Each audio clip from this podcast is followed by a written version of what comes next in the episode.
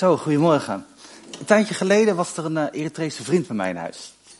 En deze Eritrese vriend, die had nogal een probleem, want hij woonde in een complex in Amsterdam. Misschien heb je het in nieuws wel eens gezien. En daar zijn nogal wat woningen afgebrand. En door het blussen hebben andere woningen nog wat waterschade gehad. Nou, deze jongen die had dus per direct even geen plek om te slapen, omdat hij daar uh, nou ja, niet meer in, naar terug kon diezelfde dag. En ik zag het op het nieuws en ik dacht gelijk, ik moet even naar hem toe, want dit is een lastige situatie voor hem. Hij heeft weinig netwerk en ik weet ook nog, hij heeft grote rugproblemen. Door zijn grote rugproblemen kon hij niet zomaar in een gymzaal waar de opvang was, op een stretcher gaan slapen. Dat was voor hem geen optie. Dus ik was naar hem toe gegaan en hij is uiteindelijk met me meegegaan naar huis en daardoor was deze vriend opeens bij mij in huis voor een tijdje. Ik woon in een leefgemeenschap en daar zitten we met meerdere culturen bij elkaar. En een van de ruimtes daar is ook een kleine gastenkamer. Dus op zich is ons huis ook wel een beetje ingericht om af en toe iemand op te kunnen vangen. En deze jongen die hier was, die, ja, die zat gelijk een beetje na te denken over van wat moet ik nu gaan doen met mijn leven? Hoe werkt dat nou? En omdat die kamer zo klein was, ging hij eigenlijk een tijdje bij mij mee in mijn eigen leven. Ik heb best wel veel contact met vluchtelingen in Nederland. Ik werk ook bij Stichting Gaven. En dat is eigenlijk een organisatie die kerken en christenen wil helpen om na te denken over vluchtelingen en meer mee bezig te zijn, praktisch op weg te helpen. En deze jongen kende ik eigenlijk van heel lang geleden uit het jongerenwerk. Ondertussen goede vrienden geworden. En hij ging met mij een tijdje mee in het leven. Zo ook mee naar mijn ouders. Het gezin waar ik uitkom, een reformatorische familie. En we zaten daar aan tafel. En toen dacht ik, aan het einde van de maaltijd, we zijn gewend om wat te lezen, nog een keer te bidden. Wat zullen we gaan lezen waar hij bij is? Wat zal hij begrijpen? En dacht aan de woorden van Dawood, David, zo kennen wij hem. En Psalm 23 ben ik gaan lezen. Dat is namelijk iets wat hij ook kent. En omdat Psalm 23 ging lezen, ging er bij hem gelijk een lampje aan en zei een vriend van mij, die heeft gezegd deze week, als het moeilijk met me gaat, dan moet ik af en toe even de psalmen gaan lezen. En ook hij was dus door een van zijn Eritrese vrienden aangemoedigd om in een van de psalmen te kijken, wat staat daar en waarom zou dat kunnen helpen? En zo was hij dus, naar aanleiding van, of naar aanleiding van uh, wat er dus gebeurde in zijn leven, tijdelijk in ons huis. En omdat hij last had van zijn rug, bracht ik hem regelmatig ook naar zijn kamer toe. Vroeg hij elke avond, wil je nog even een stukje van een psalm met mij lezen? Vandaag wil ik het ook met jullie doen. Naar een psalm kijken. En die psalm, die gaat ook de, um, over de troost van een vluchteling. Ik denk namelijk dat als je in contact bent met andere culturen, dat het je ook iets kan opleveren, waardoor je op een andere manier naar de Bijbel kan kijken.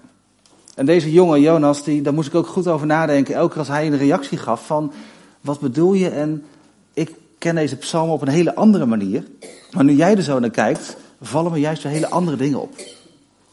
En vandaag wil ik met jullie kijken naar psalm 56, dat is een psalm die uiteindelijk geschreven is door David, toen hij zelf ook op de vlucht was. Dat is een van die psalmen wat best wel een belangrijke, um, belangrijke psalm is, ook voor deze Jonas, om te lezen, om zich erin te kunnen herkennen.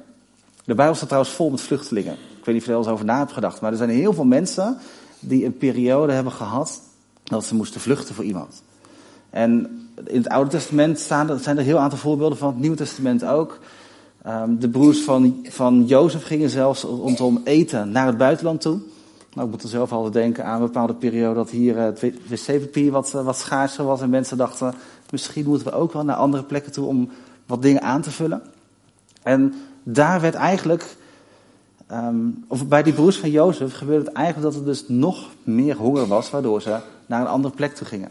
Nou, zo zijn er heel veel mensen in de Bijbel die gevlucht zijn. Vandaag wil ik met jullie kijken naar David.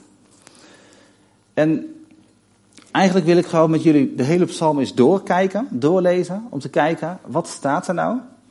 En ondertussen een aantal voorbeelden ook uit de praktijk erbij halen, um, omdat ik weet dat voor mensen zoals Jonas het heel erg herkenbaar is om ook zo'n psalm te lezen. Boven die psalm staat bij mij troost voor een vluchteling. En toen ik dat las, dacht ik, ja, misschien is het voor ons ook wel eens het leren uit het leven van een vluchteling. Dat als iemand wat meemaakt, dat we dan ook kunnen zien hoe iemand daarmee omgaat. Dat dat ook een les voor ons kan zijn op het moment dat wij misschien wel in een situatie komen dat we ook pijn of verdriet ervaren. Wat ook hier vanochtend een plek heeft in de gemeente. En daarin is juist troost voor een vluchteling misschien ook wel vandaag troost voor ons. Ik wil de psalm lezen.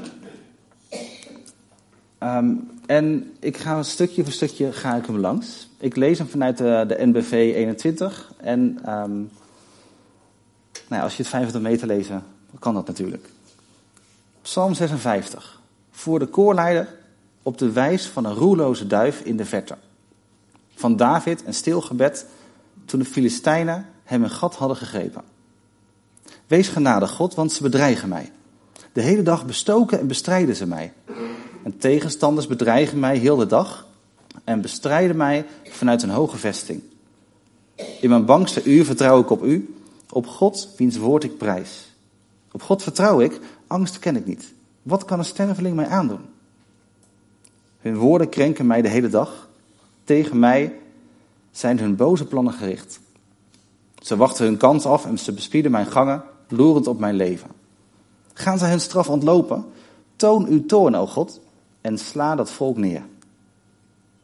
Mijn omzwervingen hebt u opgetekend. Vang mijn tranen op in uw kruik. Staat niet alles in uw boek? In het uur dat ik u aanroep, wijken mijn vijanden. Want dit weet ik. God staat mij terzijde. Op God, wiens woord ik prijs, op de Heer, wiens woord ik prijs, op God vertrouw ik. Angst ken ik niet. Wat kan een mens mij aandoen? Aan u, God, heb ik gelofte gedaan. Met dankoffers wil ik u betalen. U hebt mijn leven aan de dood ontrukt. Mijn voet voor struikelen behoed. Nu kan ik wandelen onder Gods hoede in het licht van het leven. Wat ik vaak zie gebeuren trouwens als het gaat om die vluchtelingen. Dan leven wij hier op een bepaalde manier en opeens komen er mensen in onze maatschappij en voelen we, er zijn hier vluchtelingen. Misschien lees je er wat meer over in de, in de kranten of op het nieuws hoor je erover. Denk maar aan uh, toen met die groep Afghanen, maar ook toen in Oekraïne natuurlijk een grote uh, oorlog uitbrak. Opeens kwamen hier meer vluchtelingen. Wat we heel vaak missen, is een stukje context. Een stukje waar komen deze mensen vandaan? Wat drijft iemand om weg te gaan? Wat is er precies aan de hand? En omdat we dat missen, merk ik in Nederland dat we heel vaak al een oordeel kunnen hebben. Of het zelfs als een persoonlijke bedreiging kunnen ervaren. Wij hebben het hier goed, het onze welvaart. Opeens komen er allerlei mensen en dat doet dan iets met ons. Dat geeft een bepaald gevoel. Als ik hier kijk over deze psalm, is het misschien ook handig om een klein stukje van die context te weten. Omdat als je dat weet, snap je ook waarom David bepaalde dingen zegt. Misschien weet je het wel, dat David zelf op de vlucht was. Hij was net bij een priester geweest, had wat heilige broden meegekregen. En hij had zelfs uh, iemand ontmoet die hem later zou verraden. Doeg was zijn naam. Dat was een van de, de opzichters van de herders van Sal. En later zou hij dus ook zijn naam doorgeven. Hij had het zwaard van Goliath meegekregen. En bij priester Abimelech was hij geweest. En toen was David uiteindelijk weer verder gaan vluchten. Allerlei dingen die hij had gedaan tijdens zijn vlucht, die hij normaal niet zou doen. En elke keer op de vlucht tot, een, tot hij een plek zou vinden waar hij rust zou krijgen. In 1 Samuel 21 staat hierover geschreven. Er staat, David vertrok onmiddellijk weer en hij vluchtte diezelfde dag voor Saul. Hij ging naar koning Agis van Gad. Een Filistijnse koning die een aantal, uh, aantal steden ook in ieder geval onder zijn, uh, onder zijn koninkrijk had. Dienaren van Agis zeiden tegen Agis, dat is toch koning David? Over hem hebben toch die dansende vrouwen gezongen. Saul heeft duizenden verslagen, maar David tienduizenden. David hoorde dat en werd bang voor Agis. Daarom deed hij alsof hij gek was. Hij vertrok zijn gezicht, krapte aan de poortdeuren en hij kwelde in zijn baard. Toen zei Agis tegen zijn dienaren, zien jullie niet dat deze kerel gek is? Waarom brengen jullie hem bij mij? Zijn jullie soms geen gekken genoeg dat jullie deze gek bij me brengen om bij mij uit te razen? Moet zo iemand ook in mijn huis komen? David gaat dan vervolgens weer verder. Hij kan daar weg bij deze koning. Hij komt in een grot terecht van Adullam, waar later ook veel meer mensen bijkomen. Familie, ook andere vluchtelingen, mensen die het moeilijk hebben. Iets daarvan kan je denk ik wel voorstellen. Hij is weggegaan, heeft geprobeerd eten te krijgen in de tempel. Nagedacht over hoe kan ik mezelf verdedigen? Hoe kan ik ervoor zorgen dat ik weer wegkom hier? Het is een groot onrustig gevoel.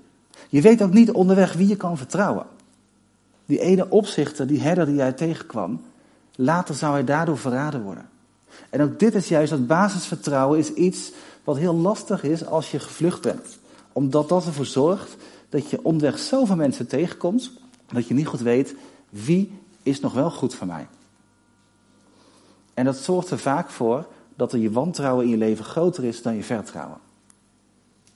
En juist met zo'n gevoel is David hier en hij zegt, God, wees mij genadig. Ik voel me bedreigd, ik voel me achterna gezeten. Mijn tegenstanders bedreigen mij. En ik weet hoe het is om heel bang te zijn.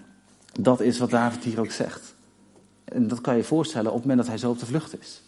In mijn bangste uur vertrouw ik op u. En dat bangste uur, het, het moment in je leven dat je het meeste bang was, om dan nog God te vertrouwen, betekent dat er een bodem zit in je angst.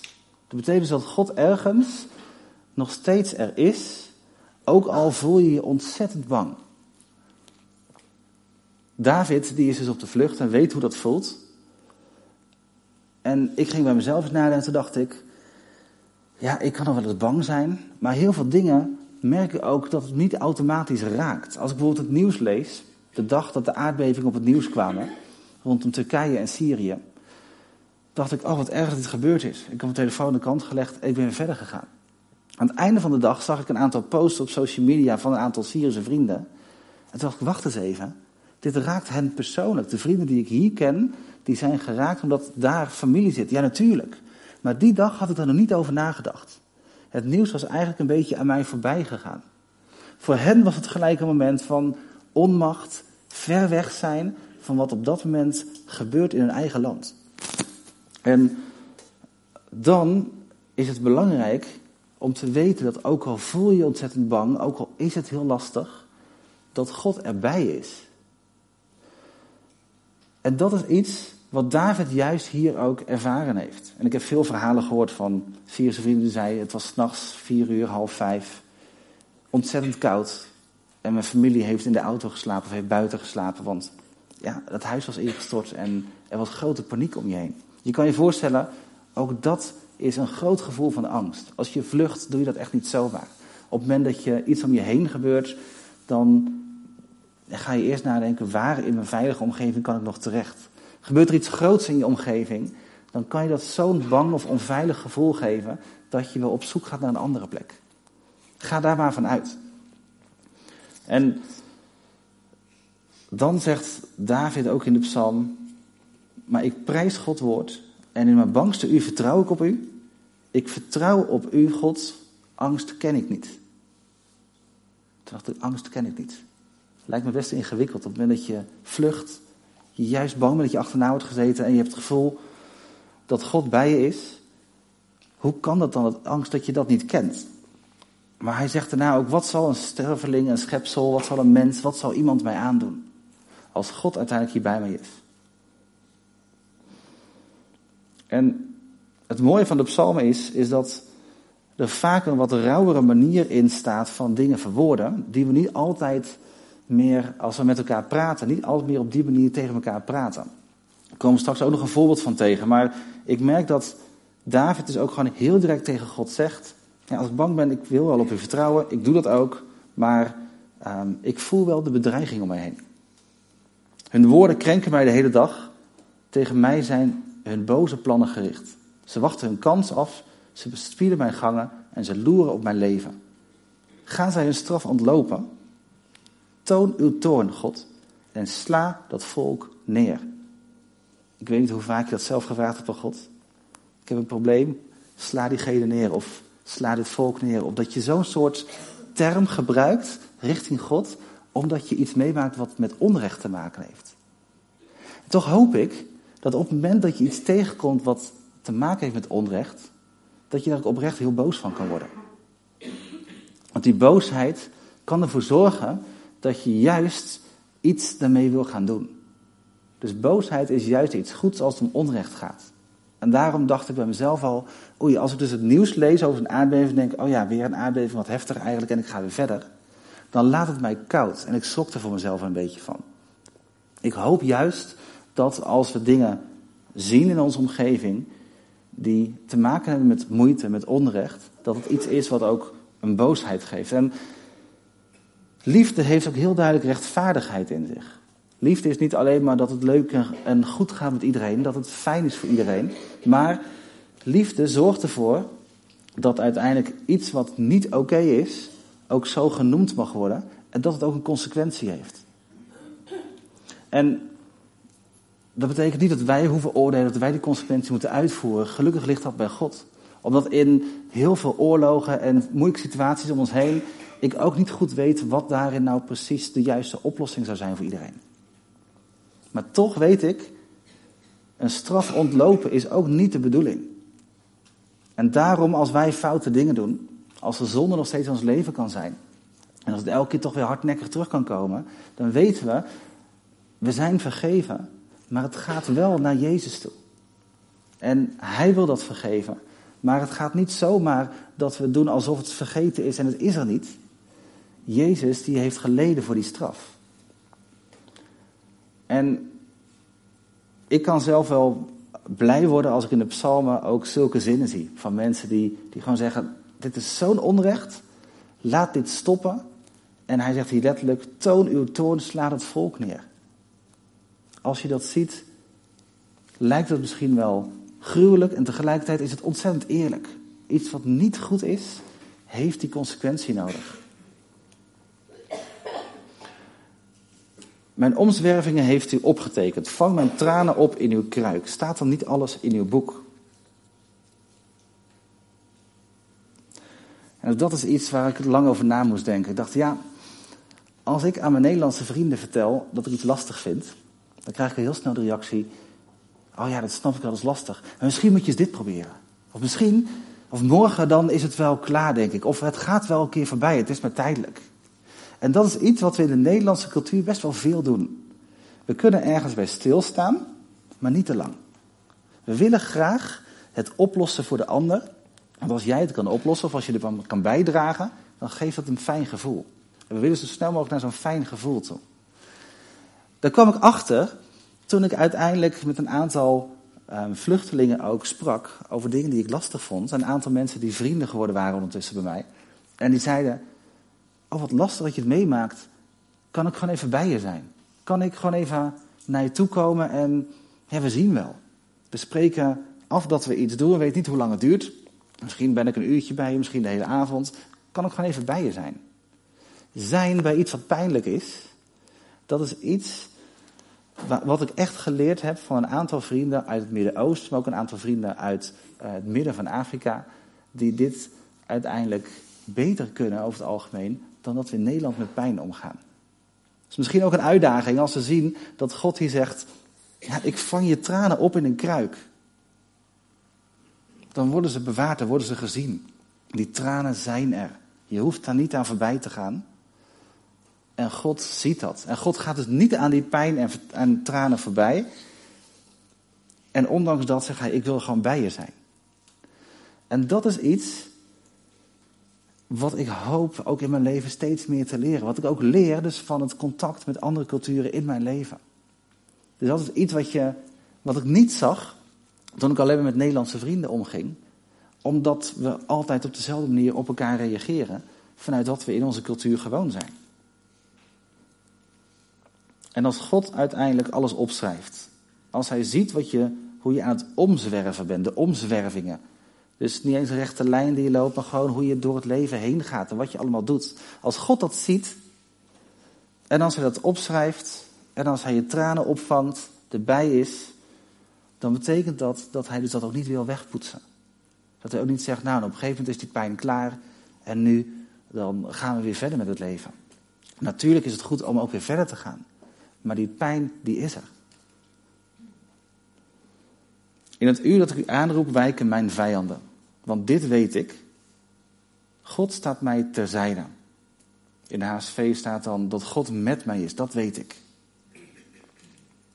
Dat was iets trouwens wat ik zelf ook echt nog moest leren als tiener. De manier hoe ik opgegroeid ben, hadden we een boekje dat heet Dit weet ik vast. Dat komt ook uit deze uh, psalm, Dit weet ik zeker. En daar stonden allerlei bijbelteksten en dingen in die ik als kind regelmatig ging leren. Dat deden we op school op die manier. heb veel catechisatie gehad, veel jeugdvereniging gehad en ik had best wel een hoop dingen geleerd. Ik kon dus ook best een aantal dingen uitleggen. Toen ging ik ooit een keer als deelnemer mee op een gavenkamp. In de zomer met een heel aantal vluchtelingjongeren, Nederlandse jongeren, met elkaar sporten, spelletjes. En ook dat je nadenkt over wie is God en je doet ook bijbelstudie. En ik dacht, ik heb een hoop geleerd in mijn leven. Misschien kan ik wel aan een aantal vluchtelingen wel een aantal dingen uitleggen en vertellen. En nou ja, dan, dan weet ik wel een beetje hoe het zit misschien. Ergens best wel een arrogante gedachte. Die ik overigens vaker tegenkom in Nederland. Ik gebruik dit voorbeeld ook vaker als, als je wil helpen. Dan is het heel vaak omdat je zelf wil helpen. Je wil daar ook een gevoel voor terug. Misschien besef je dat niet altijd, maar het is fijn om iemand, om nuttig te zijn voor iemand. Maar mag de ander dan ook wat voor jou doen, is dan vaak een stuk lastiger. Nou, ik ging op dat kamp en ik ging dus uitleggen over um, de Bijbelstudie en zo. En toen dacht ik op een gegeven moment, uh, het is best wel lastig. Ik kom hier eigenlijk niet helemaal uit. Als op een gegeven moment iemand voor je staat die totaal anders gelooft, zegt, serieus, geloof je dat echt? Dan, geef je, dan heb je een andere reactie die je moet geven dan dat je in de kerk zit en iedereen zegt, ja nee, dit zijn de dingen die we met elkaar belangrijk vinden. Dus ik moest er opeens op een andere manier over nadenken en ik kwam niet uit mijn woorden, ik liep er eigenlijk een beetje in vast. Sterker nog, een van die vluchtelingen die in het bijbelstudiegroepje zat, ik was zo'n deelnemer en dus waren leeftijdsgenoten, die zei, ik ben gevlucht en tijdens mijn vlucht heb ik ervaren dat God bij mij was. Dus dacht ik, hè, dat kan ook nog. Ik miste helemaal het persoonlijke. Ik miste helemaal dat uiteindelijk God meer was dan kennis in je hoofd. En ik miste uiteindelijk dat God ook helemaal verweven was in je leven. Iets wat ik heb geleerd doordat iemand zijn ervaringen deelde. Ik heb gevlucht. Of ik ben gevlucht. Ik heb heftige dingen meegemaakt. Mijn leven is nu absoluut niet moeilijk. Maar dit weet ik zeker. God is bij mij. En precies dat zegt David. God is met mij, dat weet ik zeker. Zelfs als hij veel moeilijke dingen meemaakt, als hij niet weet nog hoe lang zijn vlucht duurt, hij zit er nog middenin en hij weet het zeker. Op God, wiens woord ik prijs, op de Heer, wiens woord ik prijs, op God vertrouw ik. Angst ken ik niet. Wat kan een mens mij aandoen? Nog een keer komt zo'nzelfde stukje terug in de psalm. En drie keer wordt iets genoemd wat te maken heeft met bangste uur of met angst. In de oudere vertaling gaat het over ik vrees niet of wanneer ik bang ben. Maar er staat ook iets tegenover. Tegenover angst, tegenover dat gevoel, staat dus het vertrouwen. En staat dus ook dit weet ik vast. Ik denk dat David van alles heeft gevoeld in deze periode. Dat het best wel een chaotische tijd is. En als je gevoel dan angst voelt, en als je gevoel misschien wel alle kanten op gaat, kan je het nodig hebben om het vast te weten. Zodat wat je weet, je misschien wel in balans kan houden. En als je begint te twijfelen, en als je het even niet meer weet, dan kan het soms zijn dat je gevoel zegt, maar ik voel wel dat dit iets is wat bij God hoort. Of ik voel dat dit niet zomaar kan zijn. Of, of ik voel wel dat God sowieso aanwezig moet zijn. Dus je gevoel en je balans, of je gevoel en je verstand, dat houdt elkaar in balans. En dat betekent dus ook dat David op zo'n moment zegt: Ik voel die angst, maar dit weet ik vast. Dit weet ik zeker. En daarom, als hij zegt: Angst ken ik niet, of als ik bang ben, staat er in dezelfde zin: Ik vertrouw op u. Op God vertrouw ik. En om dat jezelf te blijven herinneren, door dat zeker te weten, helpt je dat dus ook om om te gaan met die angst. Aan God heb ik gelofte gedaan. Met dankoffers wil ik u betalen. U hebt mijn leven aan de dood ontrukt, mijn voet voor struikelen behoed. Nu kan ik wandelen onder Gods hoede in het licht van het leven. Ja, dan ben je dus op de vlucht.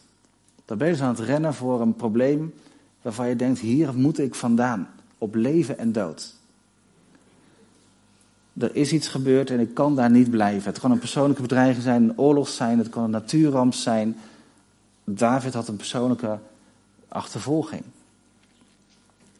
En toch zegt David aan het einde: Nu kan ik wandelen.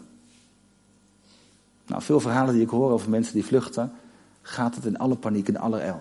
Als we nadenken over wat, wat zou je meenemen als je vlucht bijvoorbeeld. Die vraag stel ik regelmatig op allerlei scholen of jeugdgroepen waar ik kom. Dan krijg ik vaak hele grote koffers die volgepakt worden met allerlei ideeën wat je allemaal mee zou kunnen nemen. En de realiteit is vaak dat als je vlucht, je toch in alle snelheid weinig tijd hebt om in te pakken. Of weinig ruimte hebt om onderweg je spullen mee te hebben. Als je namelijk illegaal een grens over moet, of je hebt veel spullen te sjouwen, dan gaat je vlucht gewoon langzamer. En dat is een groot risico om niet te overleven. En David die heeft het hier over dat hij dus vlucht, hij voelt zich bedreigd. Als hij bang is, dan zegt hij, God, ik vertrouw u. En daarom wil ik niet die angst kennen, maar wil ik u vertrouwen. Ik wil dat voor ogen houden, dat weet ik zeker. En nu kan ik wandelen onder Gods hoede. Nu kan ik rustig lopen. En dat wandelen is iets wat mij echt wel raakte ook van wanneer kan je dat dan zomaar doen als vluchteling? Nou, David zegt het hier al, midden in zijn vlucht. Ik wandel onder Gods hoede in het licht van het leven.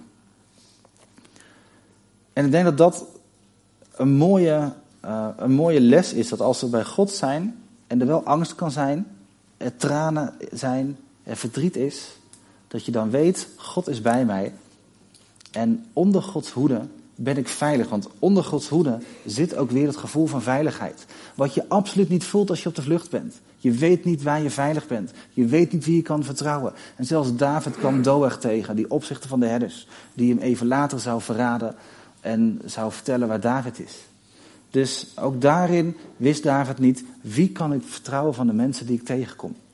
En daarom wilde hij God vertrouwen, zodat hij verder kan wandelen.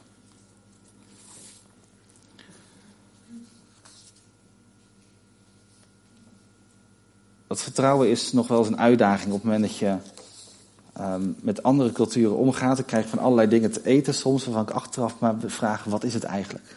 Omdat ik soms zelf dan denk, ja, het zal vast heel goed zijn wat je me voorschotelt. Maar ik begin daar ergens aan te twijfelen. Want wat ik normaal vind, wat ik gewend ben, dat is iets waar ik soms ook mijn vertrouwen op vandaan wil gaan halen. Dit is veilig, dit is comfortabel. En als dan dingen opeens anders lopen, ja, betekent dat soms ook dat je daar even over nadenkt van wat, wat gebeurt hier nou precies. En toch denk ik dat als ze met elkaar aan tafel gaan, als ze met elkaar eten, dat dat juist ook een manier is om mensen te ontmoeten en je mening te veranderen. En als ik kijk naar mijn eigen leven, hoe ik als Nederlands jongetje eigenlijk geen contact had met andere culturen, maar alleen met Nederlandse vrienden, en dan kijk naar mijn leven nu, dan zou ik die andere culturen ook nooit meer uit mijn leven willen hebben. Ik geniet daar ontzettend van. Ik leer heel veel over hoe zij uiteindelijk naar zo'n psalm kijken. Hoe zij mij de ervaring geven van, maar als ik bang ben, wil ik God vertrouwen. En ik kom het ook tegen dat het vertrouwen moeilijk is. En dat ze niet zo goed weten wie ze kunnen vertrouwen van de mensen die ze tegenkomen. En ik hoop dus dat als we mensen tegenkomen die gevlucht zijn, dat we als eerste willen nadenken, wie ben jij? Welke persoon kom ik nu tegen? In plaats van, ja, wat voel ik vanuit de maatschappij? Welke gedachten vanuit de politiek, vanuit het nieuws kunnen soms ook een appel op je doen? Maar laten we kijken naar de Bijbel, wat hij erover zegt. Over het gastvrij onthalen. Ook over het nadenken welke dingen een consequentie hebben. En gelukkig is ook een overheid die nadenkt welke vluchteling wel en welke niet mag blijven. En het ontslaat ons ook van de keuze om te oordelen over degene die we tegenkomen. Dat hoeft niet. Het hoeft simpelweg alleen maar onze naast te zijn. Maar het is ook een kans. Net zoals we David zien, die hier die psalm schrijft, vanuit zijn vluchtervaring. Om daarover in gesprek te gaan, kan je dingen leren die je anders niet zou leren in je leven. Dus ik gun jullie eigenlijk ook die andere culturen in je leven en dat je daarmee in contact kan komen. Er zijn een hoop uh, vluchtelingen ook in de Bijbel die een speciale plek hebben, een speciale ehm, betekenis hebben, die zelfs in de geslachtsregister van de Heer Jezus zijn terechtgekomen. En als Jezus dan op aarde is en uh, er komt een Romeinse legerhoofdman naar hem toe, dan is dat zelfs de persoon die als voorbeeld wordt genomen. Dus iemand die op dat moment een buitenlander is, niet eens een vluchteling, maar iemand die wel vanuit een ander land komt en daar ook een stuk aan de macht is. Die heeft een knecht die ziek is. En die knecht, die wordt genezen. En dan zegt Jezus dat dit uiteindelijk een voorbeeld is voor alle mensen die daaromheen staan. En ik weet dat jullie uh, bezig zijn met het jaarthema wat te maken heeft met aan tafel gaan. Ik hoop dat je daarin ook een plek hebt voor mensen die misschien net wat anders zijn dan dat je zelf bent gewend. Omdat het een kans is om meer te leren over wie God is. Moet daarbij moest ik gelijk denken aan een tekst die in Matthäus en in Lucas staat. In de Matthäus staat hij zo. Ik zeg jullie dat er veel mensen vanuit de hele wereld in het koninkrijk van God zullen komen. En daar zullen ze met Abraham, met Isaac en met Jacob aan tafel zitten. Dus vanuit de hele wereld komen allerlei mensen naar het koninkrijk van God. Nou, dat is een gedachte die we nog best kunnen volgen, denk ik. Dat betekent dus ook dat we gelijkwaardig zijn aan elkaar als christenen. En we zullen aan tafel zitten met mensen, niet alleen vanuit de hele wereld, maar ook met mensen vanuit door heel de tijd heen. Dus met Abraham, met Isaac en Jacob aan tafel zitten. In Lucas staat hij zo: er zullen mensen uit het oosten en het westen, het noorden en het zuiden komen. En ze zullen aan tafel gaan in het koninkrijk van God. En dan hebben we nu eigenlijk wel een hele mooie oefentijd, toch? Om daar alvast mee te experimenteren en daar alvast van te genieten. Maar ook om ervan te leren wat de ervaring is die een, uh, iemand heeft die gevlucht is, die een mens is, net zoals jij en ik, die uiteindelijk kan zien, dit weet ik zeker, God is bij mij en daarom kan ik wandelen. Onder Gods hoede, in het licht van het leven. Ik gun jullie dit ook. En ik hoop dus dat we zo samen meer leren over wie God is.